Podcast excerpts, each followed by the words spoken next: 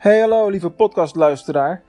Ik wil voordat de aflevering begint graag even je aandacht vragen voor het uh, nieuwe webwinkelplatform wat ik net heb gelanceerd, namelijk succesmetecommerce.nl. En als je daarnaar wil kijken, ga dan direct naar leden.succesmetecommerce.nl. Alleen al om vanwege het feit dat we nog in de beta fase zitten. Dus als je er nu kennis mee maakt, kan je een van de allereerste mensen worden die lid wordt van het platform. Wat heeft het platform te bieden? Informatie over webwinkelmarketing, een nieuwe gratis webwinkelmarketing cursus van mij. Die lanceren we eind mei. Dus als je dit in juni luistert, dan is hij er al.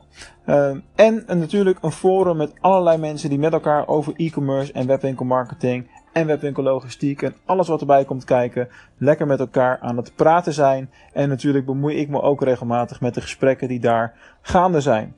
Dus neem even de moeite, kom maar kijken.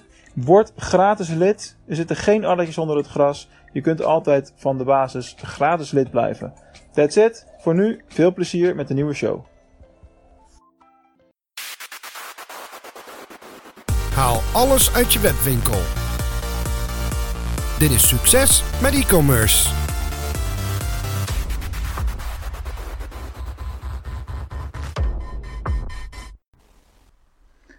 Hey, vandaag wil ik met jullie even stilstaan bij een onderwerp wat ik niet elke dag op de agenda heb staan, namelijk e-commerce en logistiek.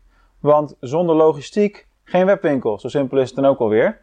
We hebben het natuurlijk heel vaak over marketing in deze video's en in deze audio's, maar uh, logistiek is misschien wel een van de meest belangrijke onderwerpen binnen het hele speelveld van e-commerce. Nou, we gaan het vandaag specifiek hebben over één onderdeel binnen de logistiek, namelijk de verschillen tussen het zelf doen of het uitbesteden van jouw logistiek uh, van je webwinkel.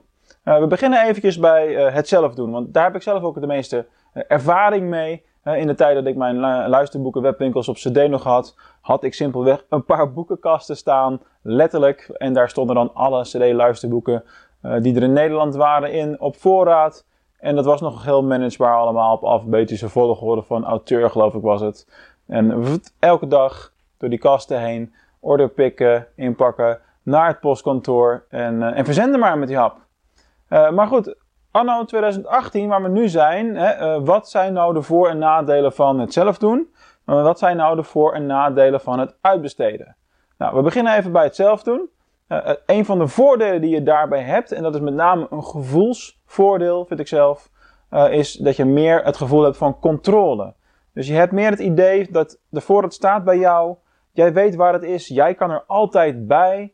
Um, en, en, dat is echt een gevoelskwestie. Dus op het moment dat je serieus gaat doorgroeien en je gaat aan uitbesteden uh, denken, waar ik straks op, uh, kom, dan zal dat vanzelf een minder belangrijk aspect gaan, gaan worden.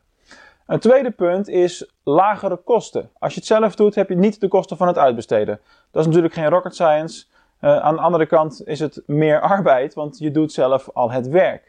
Dus dat is meer een kwestie van hoe beoordeel jij jouw tijd? Hoe waardevol is, uh, is jouw tijd? Uh, is het waardevol genoeg om het uit te besteden door iemand anders te laten doen? Zorg je dan voor meer omzet in jouw webshop?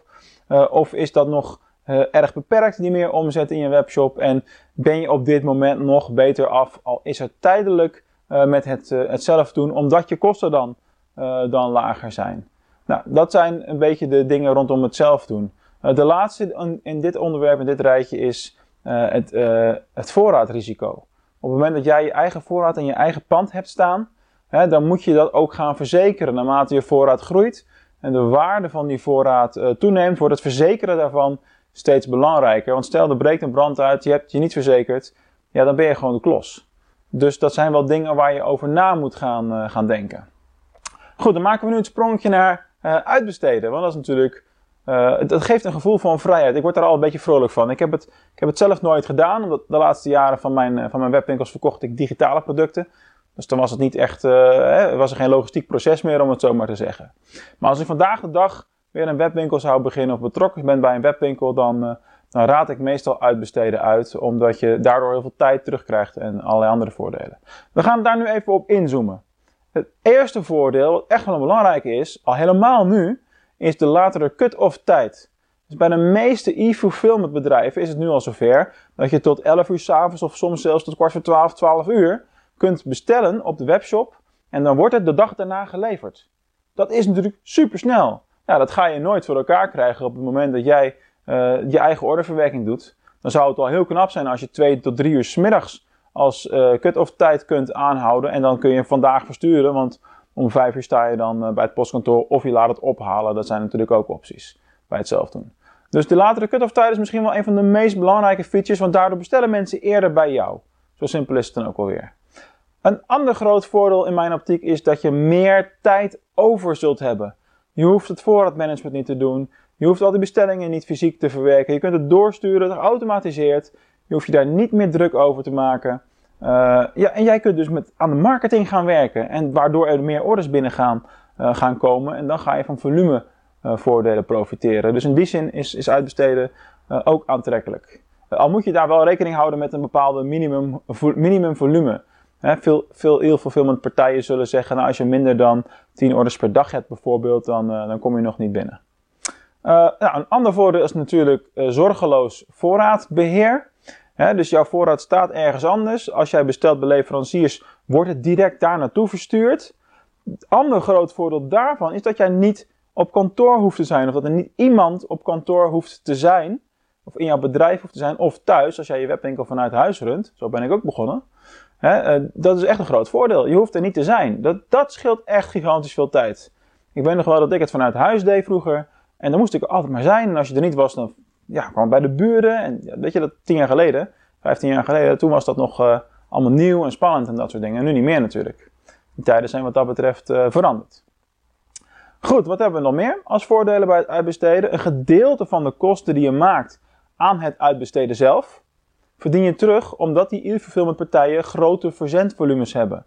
Grote verzendvolumes betekent lagere kosten per pakketje en dat vertalen ze vaak door in het tarief wat jij betaalt, het verzendtarief. Dus jouw prijs per pakket, dat hangt een beetje van de partij af. Maar stel dat je bij PostNL onderhand uh, 6,50, 6,95 betaalt, dan kan het best wel eens naar 5,5 tot 4,5 euro naar beneden uh, gaan zakken, afhankelijk van jouw specifieke situatie.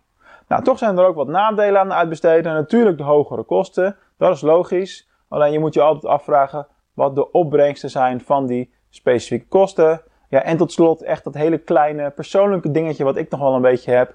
Maar ja, ik ben toch een beetje van de oude stempel in de e-commerce wereld natuurlijk. Uh, je hebt wat minder feeling met je product. Hè? Dus, uh, uh, want je ziet het niet meer, het gaat niet meer door je handen. Dus je raakt het gevoel met het product een beetje kwijt. Hè? Waardoor het, het hobby-element er helemaal uitgaat. Maar aan het eind van de dag is dat een goed ding. Hè? Dus als je echt wil opschalen en, en groter wil worden, dan is die professionaliseringsslag naar uitbesteden gewoon een, een strak plan.